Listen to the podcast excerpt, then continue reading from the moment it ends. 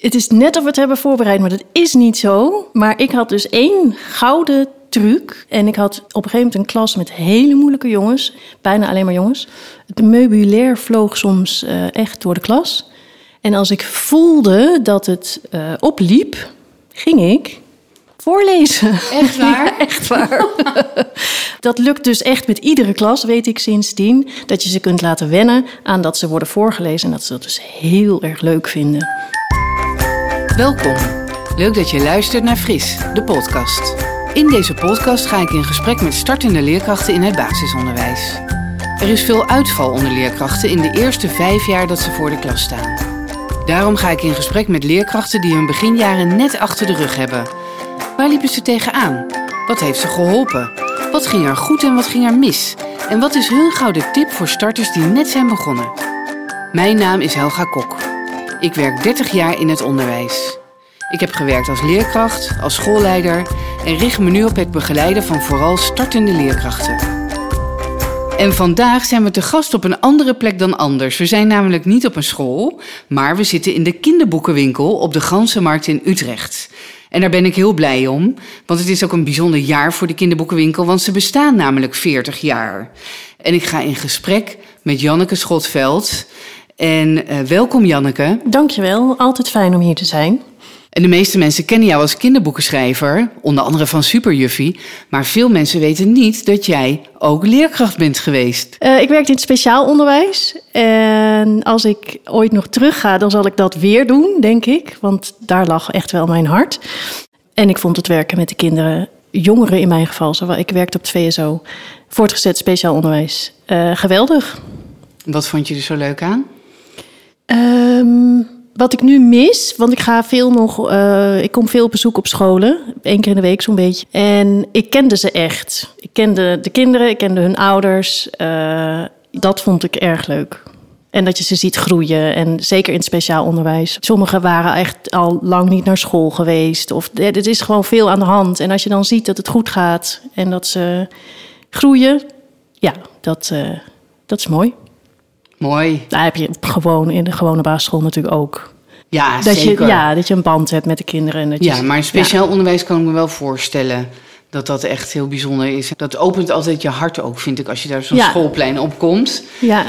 Hoewel kinderen mij bijvoorbeeld helemaal niet kennen, maar als ik op speciaal onderwijs kom, dan zeggen ze altijd: oh, Ben je daar weer? ja. Vind ik altijd zo lief. Ja. 13 jaar, nou dat is ook best wel een lange tijd. En dat is natuurlijk al even geleden. Maar weet jij nog waar je tegenaan liep als startende leerkracht? Ik had heel verschillende kinderen in de klas, dus ik moest enorm differentiëren. En dat moet je even uitvinden hoe dat werkt. Ik vond ouders soms lastig. Soms ook heel leuk, maar soms ook heel lastig. Dus. Ja, maar echt... oh ja, nee, orde. Vond, ik moet het niet van mijn autoriteit hebben. Dus, en daar moest ik ook mee leren werken. Hoe Aha. ik, zonder dat ik heel autoritair ben, toch orde wist te houden. Ja, en de rust in de klas. Ja. En weet je nog wat jou daarbij heeft geholpen? Nou, het is net of we het hebben voorbereid, maar dat is niet zo. Maar ik had dus één gouden truc. En ik had op een gegeven moment een klas met hele moeilijke jongens. Bijna alleen maar jongens. Het meubilair vloog soms uh, echt door de klas. En als ik voelde dat het uh, opliep, ging ik voorlezen. Echt waar? Ja, echt waar. dat lukt dus echt met iedere klas, weet ik sindsdien. Dat je ze kunt laten wennen aan dat ze worden voorgelezen. En dat ze dat dus heel erg leuk vinden. Want als ik ging zitten op mijn bureau en het boek pakte, dan keken ze en dan wisten ze, oh, wie gaat voorlezen? En dan was ik het voor. Dat is natuurlijk heel precair. Je moet echt precies op tijd zijn. Maar ja, dat deed ik. En dan kwam er rust en dan was het voorbij. Ook toen het zo echt enorm uit de hand gelopen was. Nee, dat moet je voor zijn. Ja, oh ja precies. Nee, als het te ver was gegaan, dan helpt voorlezen niet meer. Nee. nee, maar ik had dus op een gegeven moment ontdekt... deze klas kan ik samen één maken. Het is een soort iets intiems wat je eigenlijk doet met je groep. En dit deelden we, wat er ook speelde op het schoolplein en aan ruzies en aan thuis. Maar dit deelden we, hoe gaat het verder met... Precies. En je zei net, ik weet ook nog ja, wat ik voorlas. ik weet, een tijdje heb ik bijvoorbeeld Dummy de Mummy voorgelezen van ja. uh, Tosca. Nou, daar waren ze heel Toscamenten. Vonden ze helemaal geweldig. Um, ja, ik heb echt van alles voorgelezen. Ook Paul Biegel. Maar dat werkte. Dan ging je gewoon zitten Ik ging zitten op het op je bureau. bureau. Ja. En dan pakte ik een boek en dan wisten ze, oh, we gaan weer verder. Ja. Ja. En ging je er ook wel eens mee, eh, want dat gebeurt natuurlijk soms, eh, belonen of van nou, als, ik, eh, als jullie goed meedoen, dan ga ik straks aan het eind van de dag nog even Eh, voorlezen. Nee, ik las eigenlijk sowieso altijd voor. En nee, ik heb het geloof ik niet zo ingezet. Want als ik het als crisismanagement deed, deed ik het dus onverwacht. Ja, Omdat ik voelde, er gaat hier iets precies. vloeien. En dat heb het- ik liever niet. Misschien was ik ze zelfs zo voor dat ze zelf nog niet door hadden dat het aan het escaleren was. Waarschijnlijk niet. Kan, ja. Ik denk een, een goede leerkracht of... eh, En als het dan eenmaal, nu klink ik inderdaad net alsof ik dat heel goed kon. Als het eenmaal mis was, dat vond ik echt heel erg moeilijk. Heb ik altijd heel moeilijk gevonden. ja. En dat, ja, dat verschil, de ene leerkracht is daar beter in dan de ander. ja, heb je daar dingen in geleerd aldoende? Bu- buiten dat voorlezen om? Jawel, op een gegeven moment werd ik wel wat steviger en eh, ging ik minder discussie aan. Leer je ook wel uit eerdere ervaringen van, oh, dit is er zo een. Dus je leert het aldoende steeds beter. Ja. Wat mooi dat je dat zegt. Je leert het aldoende Ja, dat steeds is, het beter. is net als met autorijden. Je moet het gewoon heel veel doen. Nou, dat is precies wat we altijd zeggen bij de vriendstraining. Nou, ja, de meters maken, dat doe je pas eh, op de snelweg. En als je voor de klas gaat staan, dan eh, ja. is dat de snelweg. Ja, en ik hoop dat heel veel leerkrachten voorlezen in gaan zetten als preventief middel. om eh, de orde en de rust in de klas weer terug te brengen en te verbinden. Want dat is heel mooi natuurlijk. Nou, wat ik wel eens merk is dat sommige juffen of mee... Ik doe veel schoolbezoeken en dat ze dan zeggen... ja, dit is zo'n drukke klas. Dat, die hebben niet de rust om te luisteren naar, naar een verhaal. En dat is echt, echt heel erg gemiste kans. Juist bij zo'n klas. Ja, Maar dat moet je ervaren. Ja, precies. Nou, wij blijven gewoon, want jij blijft ook vertellen dat ze dat dan juist Ja. wel moeten doen. Want je vertelt al over schoolbezoeken. Ja. Eh, wat doe je daar zoal in de schoolbezoeken? Eh, meestal geef ik eigenlijk geef ik gewoon een leuke les over eh, lezen, over hoe je verhalen maakt. Ik lees voor, ik doe een quizje met de kinderen. Gewoon een leuke les over boeken. En dan mijn boeken in het bijzonder, maar ook wel boeken in het algemeen. Ja, want kun je iets vertellen over jouw boeken in het bijzonder? Want je stond voor de klas Ja, en nu heb je heel veel geweldige boeken geschreven. Hoe is dat gegaan? de korte versie. Eh, ik stond voor de klas en ik kreeg een keer een inspecteur in mijn klas. Nou, dat kent iedereen wel natuurlijk die naar deze podcast luistert. dat was niet zo'n leuke man. En daar heb ik een verhaal over geschreven. En dat werd Villa Fien, mijn eerste boek. Ja, en toen was eigenlijk het hek van de dam. Daarvoor schreef ik ook al wel hoor. Ehm, maar dit was iets waarvan ik dacht, dit ga ik opschrijven. Oké.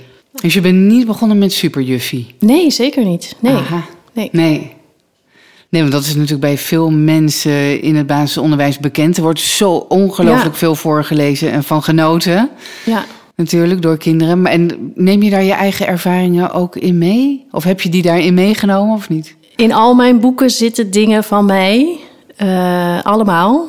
En in Superjuffie zeker ook. Eh, die vier kinderen zijn allemaal klein beetje gekneed naar kinderen die ik ken. Dus de vier kinderen die altijd met haar eh, zijn. Ja. Ehm, maar ik verzin ook heel veel. Het zijn echt kleine dingetjes die ik dan gebruik. Ja, uit het dagelijks leven. Ja, precies. Inderdaad. ja, en de schoolbezoeken. Eh, dat gaat via de schrijverscentrale, denk Ja. ik. Kun je daar nog iets over zeggen? Want dat kent misschien niet iedereen. Tenminste, niet alle startende leerkrachten Nee, kennen dat misschien. nee zeker niet. Eh, net de, de schrijverscentrale.nl. daar staan alle schrijvers van Nederland. Kun je daar boeken. En dan ehm, komen ze op bezoek. En dat wordt meestal betaald vanuit de cultuurkaart. Is, bestaat dat nog? Dat weet ik eigenlijk niet. Cultuur, cultuurpotje. En er zijn scholen waar ik eh, bijna ieder jaar kom, die eh, ieder jaar daar helemaal een feest van maken en waar ook meerdere schrijvers komen. Ehm ik kom echt op heel veel verschillende plekken. En het leuke daaraan is dat kinderen vaak, als ik geweest ben, gaan lezen. Het heeft echt wekenlang nog effect, hoor ik Daarna? vaak. Ja, daarna. Aha. Want soms zeggen de leerkrachten van... oh, sorry, we hebben geen tijd gehad... en we hebben van de bibliotheek een doos met boeken gekregen. Oh. En dan zeg ik altijd, ah, dat geeft niks. Want als ik geweest ben, dan willen ze gaan lezen. En zo werkt dat meestal ook. Aha. Dus het werkt eh, heel leesbevorderend, dat is de bedoeling. Ja, oh, wel mooi om dat te horen. Want ik hoor ook soms best wel gemopper. Dat inderdaad dat leerkrachten dan van tevoren niet iets gedaan hebben. En dat het Ja, dan een beetje. vind ik niet zo erg eigenlijk. Want dan denk ik altijd, nou, dan heb ik nog een fijne blanco. Als ze alles zo kennen, ja. Dat is bijna jammer soms. Ja, ja. Het is natuurlijk heel goed voorbereid, dus dan zeg ik ook, oh wat geweldig. Nee, het enige wat wel, waar ik op mopper, is als ik op bezoek kom in een klas en de leerkracht gaat zitten nakijken. Of iets anders nuttigs doen. Eh, dat is echt funest. Dan Ja? moet ik drie keer zo hard werken. Ja, want je geeft als leerkracht, zit je voor de klas, ik sta ernaast. En dan geven ze eigenlijk eh, als signaal aan de kinderen... nou, dit bezoek vind ik in ieder geval niet interessant. Ja. Terwijl als ze erbij gaan zitten en meedoen, ja, dan is het altijd zoveel leuker. ja. Dat is zeggen, dan heb je ook met elkaar plezier daarvan. En dan Ja. kan een leerkracht ook nog een beetje mee Ja, maar dan geeft zij of hij ook signaal van: ik vind dit ook interessant. Ja. Het is net als met dat kwartiertje lezen, wat ze op veel scholen doen. Als de leerkracht meeleest, zelf ook zitten lezen, dat heeft zoveel effect. ja. Ik zit meteen heel erg te Jehovah aan, hè? We hebben natuurlijk al de leesknokploeg. Die wil ik ook even ook genoemd hebben. ja. Want die zijn fantastisch natuurlijk. Maken zich echt heel hard voor goed leesonderwijs. Want het is gewoon heel belangrijk. En het gaat alsmaar belangrijker worden, heb ik het gevoel. Maar dat er steeds meer wordt voorgelezen. Ja. En dat er steeds meer aan leesbevordering wordt gedaan. Kun jij daar nog iets over zeggen? Als je toch leest, Jehovah, Ja, misschien nou. kan je gewoon lekker...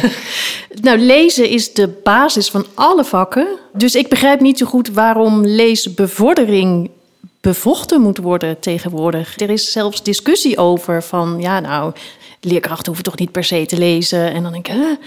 je zegt toch ook niet, je hoeft niet de tafels te kennen. Lezen is echt, zou eigenlijk echt vanzelfsprekend moeten zijn. Ik denk ook dat je als leerkracht, als je lezer bent als leerkracht, geef je dat automatisch door.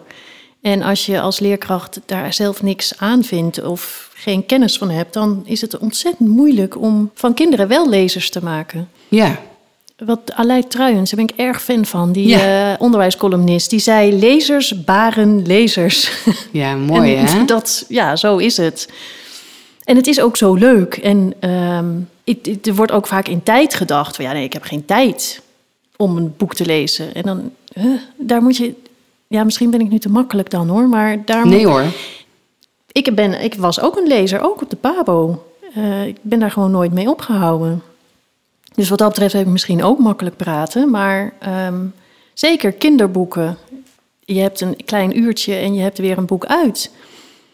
Ja, en wat is er heerlijker dan zo'n klas inderdaad van 28 kinderen Ja, die aan je lippen hangt. zalig. Ik merk het meteen tijdens schoolbezoeken. Of ik op een leesklas ben of niet. Binnen een paar minuten. Ja, Als ik ga voorlezen, voel ik zo'n klas. Ja, ik weet nooit hoe ik het moet noemen. Bij gebrek aan beter woord zeg ik altijd inzinken. Misschien is het ook wel een goed woord. Ik voel dat ze dus inzinken. ja, en dan weet ik van, oh, deze kinderen worden vaker voorgelezen.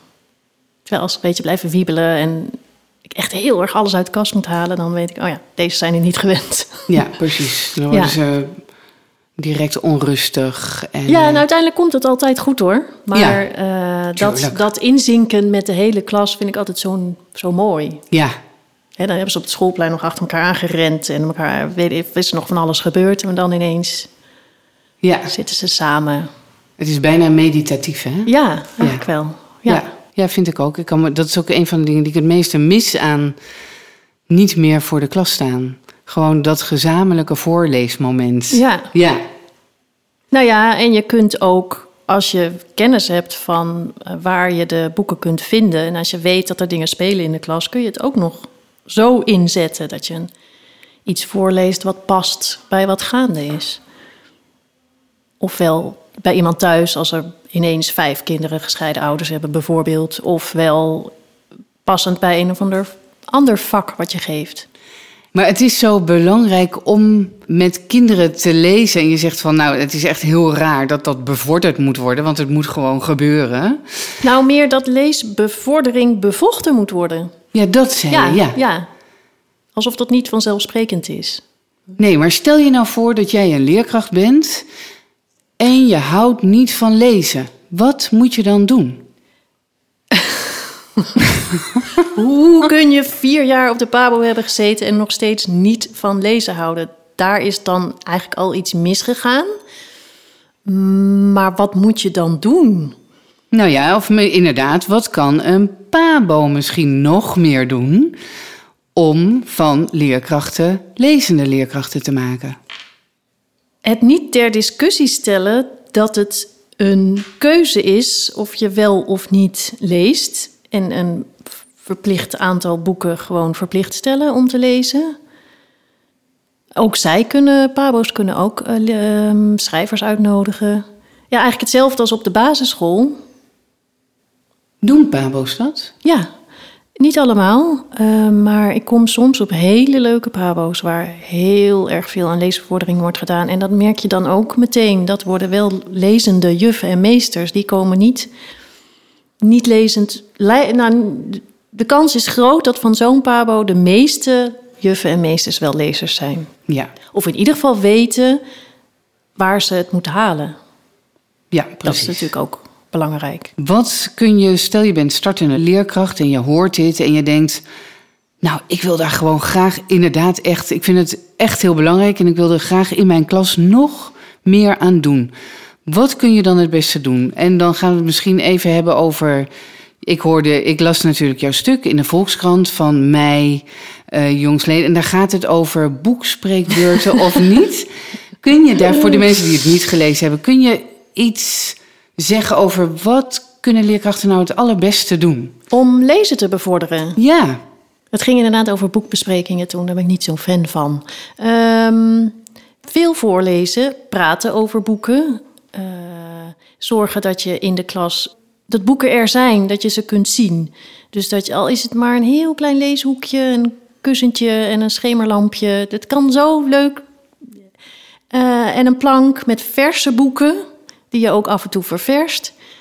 Ehm, ze moeten beschikbaar zijn, boeken. En je moet er tijd voor nemen. En dat is misschien soms ook wel lastig. Maar dat je echt zorgt dat er tijd is om te lezen. Voor de kinderen en met de kinderen. Ja, en praten over boeken is heel leuk met kinderen. ja. Ja, Dat doe jij ook als je Ja, op scholen komt. bijvoorbeeld eh, welke hoofdpersoon zou je willen zijn? Eh, wie zou je tegen willen komen? Eh, je, er zijn zoveel leuk... Maar dat is, Chambers is daar natuurlijk de allerbeste guru in. Maar kinderen vinden dat heel leuk. En wat ze ook heel goed kunnen is eh, boeken met elkaar vergelijken. Van, laat, eens, laat zei een kind tegen mij... Meester Snor uit Super Juffie, die directeur... die lijkt heel erg op Dreus. De directeur van Mees Kees. Oh Toen dacht ja. ik, oh ja, verrek. maar zo krijgen kinderen, als ze dan dat soort dingen doen... en praten over wat ze lezen en wat ze ervan vinden... of waar het ze aan doet denken... krijgen ze een soort ja, leeszelfvertrouwen. Gaan ze het steeds leuker vinden. Wat ook heel leuk is om te doen... en wat ik wel eens in klassen zie... is eh, dat ze een mooie woordenpot hebben of een mooie zinnenpot. En als dan tijdens het kwartier lezen... kinderen een mooie zin of een mooi woord zien... schrijven ze dat op, heel zachtjes... en doen ze het in die pot. En dan één keer in de week haalt de leerkracht dat tevoorschijn. En dan gaan ze daarnaar luisteren. Oh, wat geweldig. Wat een supergoed idee. Ik hoop dat heel veel startende leerkrachten Ja. dat onmiddellijk morgen Beter dan gaan een toepassen. Nou, we gaan het nog even over jouw eh, boeken hebben ook, Jannetje. Want je hebt zoveel prachtige boeken geschreven. En jouw laatste boek wat je hebt geschreven is Meer avonturen van de dappere ritster. Je had al geschreven Avonturen van de dappere ritster. En we zijn in de kinderboekenwinkel. En toen ik hier eh, laatst was, omdat ik in de eh, leesclub van volwassenen die van kinderboeken houden zit... Geweldige leesclub. Geweldig. Ja, ik voel me echt vereerd dat ik erin mag zitten. Maar toen stond hier in de etalage stond een fiets. En Dorothee, de eigenaar van de boekenwinkel, vertelde dat het te maken had met jouw nieuwe boek. En zo komt het dat wij hier nu zitten. En ik heb dat boek natuurlijk gelijk gekocht en gelezen. En een van jouw verhalen, waar ik heel blij mee was, gaat over de verdrietige juf. En uh, het gaat over een juf, wat natuurlijk heel veel startende leerkrachten gebeurt, die echt vindt dat ze het niet goed doet. Want er gaan dingen mis. En je komt van de Pabo en je denkt dat je het moet kunnen, leerkracht zijn, maar je leert het gewoon aldoende. Uh, zoals jij net al zei. En dit verhaal gaat daar eigenlijk over. En um, de ritster, de dappere ritster, die komt iemand tegen verdrietig, zit op de stoep. En een ritster zou de ritster niet zijn als ze niet zou afstappen en zou vragen: Wat is er aan de hand? En zij zegt dan echt: Ik kan het gewoon niet leerkracht zijn. En dan zegt de dappere ritster: Nou, dat uh, is echt anders. Dat is helemaal niet waar. En uh, geef het niet op. Ik ga naar jouw school. En de ritster gaat dan naar de school en die zegt tegen de directeur: Goh, mag ik een dagje? En dan zegt de directeur: Nou, dat weet ik niet. Weet je wat, ik ga eerst even iets regelen met de invalpool. En dan zegt de ritster: Nou, dat is goed hoor. Dan heeft er vast over een week iemand wel even tijd. en dan zegt de collega-leerkracht, die zegt... wacht, wat is er hier aan de hand? Kan de leerkracht weer terugkomen? Want het loopt hier echt helemaal uit de hand. Het is een zoortje in die klas. En dan mag de ritster toch even voor de klas van de directeur. En wil je voorlezen wat er dan gebeurt? Want ze had tegen de juf gezegd... je mag morgenochtend pas na de middagpauze komen. En dan zegt de directeur, vooruit, één ochtendje dan... Even later stond de ritster voor de deur van groep 6. Ze haalde diep adem en stormde naar binnen. Waar denken jullie dat je mee bezig bent? De ritster zwaaide woest met haar zwaard, ervoor uitkijkend dat ze niet per ongeluk iemand verwondde natuurlijk. Ritster, fluisterde een kind. En niet zomaar een ritster, fluisterde een ander. Een ogenblik bleven ze allemaal als bevroren staan, tot een meisje moed vatte. Jij bent onze juf helemaal niet. Nee, gelukkig niet, riep de ritster. En nu allemaal op je plek, anders rijg ik je aan mijn zwaard. Uh, dat doet ze heus niet echt, riep een jongetje dat uitdagend bovenop een tafel stond. Oh nee? Met vier stappen was de ritster bij hem, stak de punt van haar zwaard door het lusje in zijn kraag en prikte hem aan het prikbord. Het lusje was stevig en het jongetje klein, dus hij bleef mooi hangen. Dat mag niet, ik ga het tegen mijn moeder zeggen, ik... Stilte, bulderde de ritster.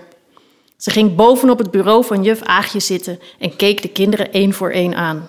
Sommigen keken weg, maar juist die kinderen bleef ze net zo lang aanstaren tot ze oogcontact had. De kinderen die een beetje bang keken, gaf ze een snelle knipoog. Zo, zei ze, toen ze iedereen in de ogen had gekeken. Zolang het nodig is, ben ik jullie juf. Wie praat tijdens de les, krijgt met mij aan de stok. Pak allemaal je rekenboek en ga rekenen. Um, welke sommen moeten we maken? vroeg een jongen. Weet ik veel, zei de ritster. Ja, maar de ritster sloeg met haar vlakke hand op tafel. Rekenen, zei ik toch? Hup! Alle kinderen sloegen aan het rekenen. Tevreden keek de ritster de klas rond. Een kind kan de was doen, dacht ze. Het jongetje aan het prikbord hing boos naar buiten te kijken. Na een tijdje liep de ritster naar hem toe en haalde hem eraf.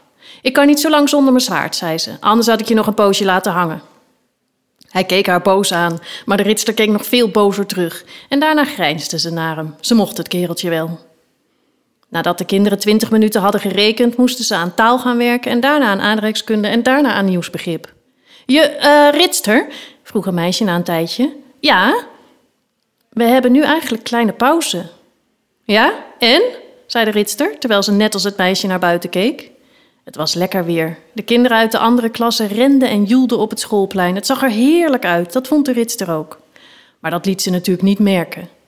Buitenspelen is tijdverspilling, zei ze. Werken jullie?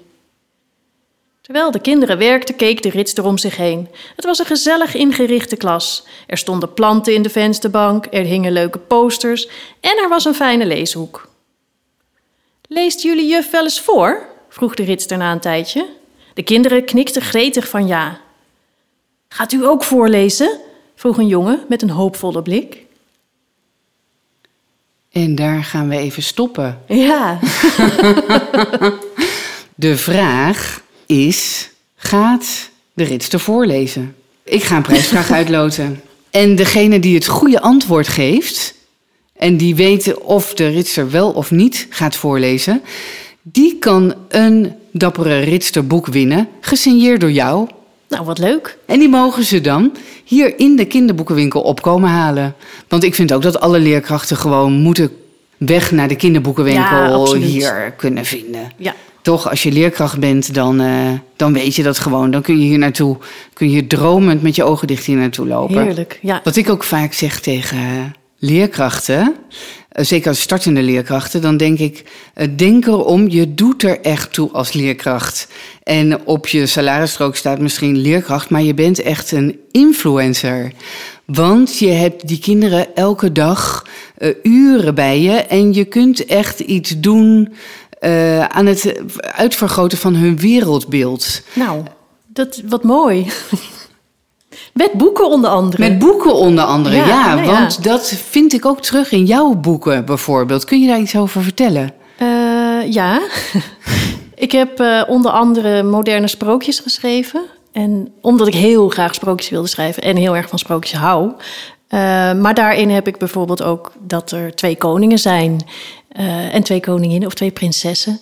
Ehm, en zo kun je zonder. Je hoeft het helemaal niet per se met kinderen erover te hebben. Verhalen zijn heel leuk om over te praten, maar het hoeft niet altijd. En je kunt op deze manier ook kinderen kennis laten maken met iets wat ze misschien van huis uit niet meekrijgen. Eh, ja, je maakt echt hun wereld groter. Ik vind dat, dat vind ik ook een van de mooiste dingen aan boeken. Ja, dat je Op gewoon... allerlei manieren. Op, eh, nou, ik gaf nu dan dit voorbeeld, maar je leest ook over andere culturen. Je leest over vroeger. eh, of eh, over fantasieverhalen. De wereld wordt zoveel groter. Ja, mooi is dat. Hè? En dan hoef je niet, hoef je, dat vind ik mooi, heel mooi wat je zegt, je hoeft het er niet over te hebben. Nee, het, als het zo uitkomt, kan het natuurlijk wel. Kun je verhalen ook inzetten om het ergens juist wel over te hebben. Maar het is ook prima als jij heel veel verschillende dingen voorleest en dat gewoon doet. En dan krijgen kinderen van alles mee. En soms, ik lees wel dus wel eens dat verhaal van die twee koningen voor. En dan zie ik wel eens kinderen een beetje oplichten, zo van, huh? Maar dan gaat het daarna over iets heel anders. En dan hebben ze toch meegekregen van, oh ja, dat kan dus ook. Zonder dat je het benoemt. Ja, precies. Net als dat de dappere ritster, die gaat dan op een gegeven moment een prins, die gaat ze redden uit de toren. Klopt ja, dat? Ja, ja, Dat, eh, daar gaat ze later mee trouwen. Ik vind het echt zo'n geweldig boek. Ik ga de dappere ritster ook, die ga ik eh, voortaan gewoon altijd eh, meenemen als ik eh, Oh, ergens naartoe ga en ik vind het spannend. Dan denk ik, wat zou de dappere ritster nu doen? Oh, wat leuk. Ja, dat denk ik zelf dus ook heel vaak. Ja? Ja, als ik in kringetjes zit te denken en ergens niet uitkom... dan denk ik, oh, wat zou de ritster doen? Nou, dan weet je het eigenlijk meteen. Ja, precies. En wat ook zo leuk is, jongens kunnen ook ritster worden. En jongens zijn ook gek op de verhalen. Is dat zo? Ja, En dan ze vinden dit heel normaal dat je het gewoon ritster noemt. Ik zeg altijd in de klas, ja, ridders zijn uitgestorven, eigen schuld. Die waren veel te gewelddadig. Nu zijn er ritsters. Nou, prima. Ze nemen het gewoon aan. En dat vinden ze helemaal geen probleem. Helemaal niet. Nee. Dus Nee. het is gewoon een feit. Ja, Ja. En je moet wel heel goed kunnen tuffen, ja heb ik begrepen. dat klopt. Ja, dus daar ben ik nog mee aan het oefenen. Buiten. Bij voorkeur, ja. Binnen mag echt niet. Nou, de ritser doet het soms per ongeluk, zeker in deel 2. Eh, maar ja, dat vinden de mensen toch niet zo heel erg leuk. Nee, en is, nee, nee, en is ook niet. In de klas mag het zeker niet. Nee, denk ik, hè? nee. Daar, daar gaan we niet toe aanzetten. Nee. Oké, dankjewel voor dit gesprek. En eh eh, tufse. Ja. Dankjewel voor het luisteren naar Fris, de podcast. Deze podcast werd mede mogelijk gemaakt door PCOU Willibrord en Martijn Groeneveld van Mailman Studio. Vond je deze podcast leuk? Of heb je een vraag aan mij of een van de volgende leerkrachten? Laat het dan even weten in de comments hieronder. Dankjewel en tot de volgende keer.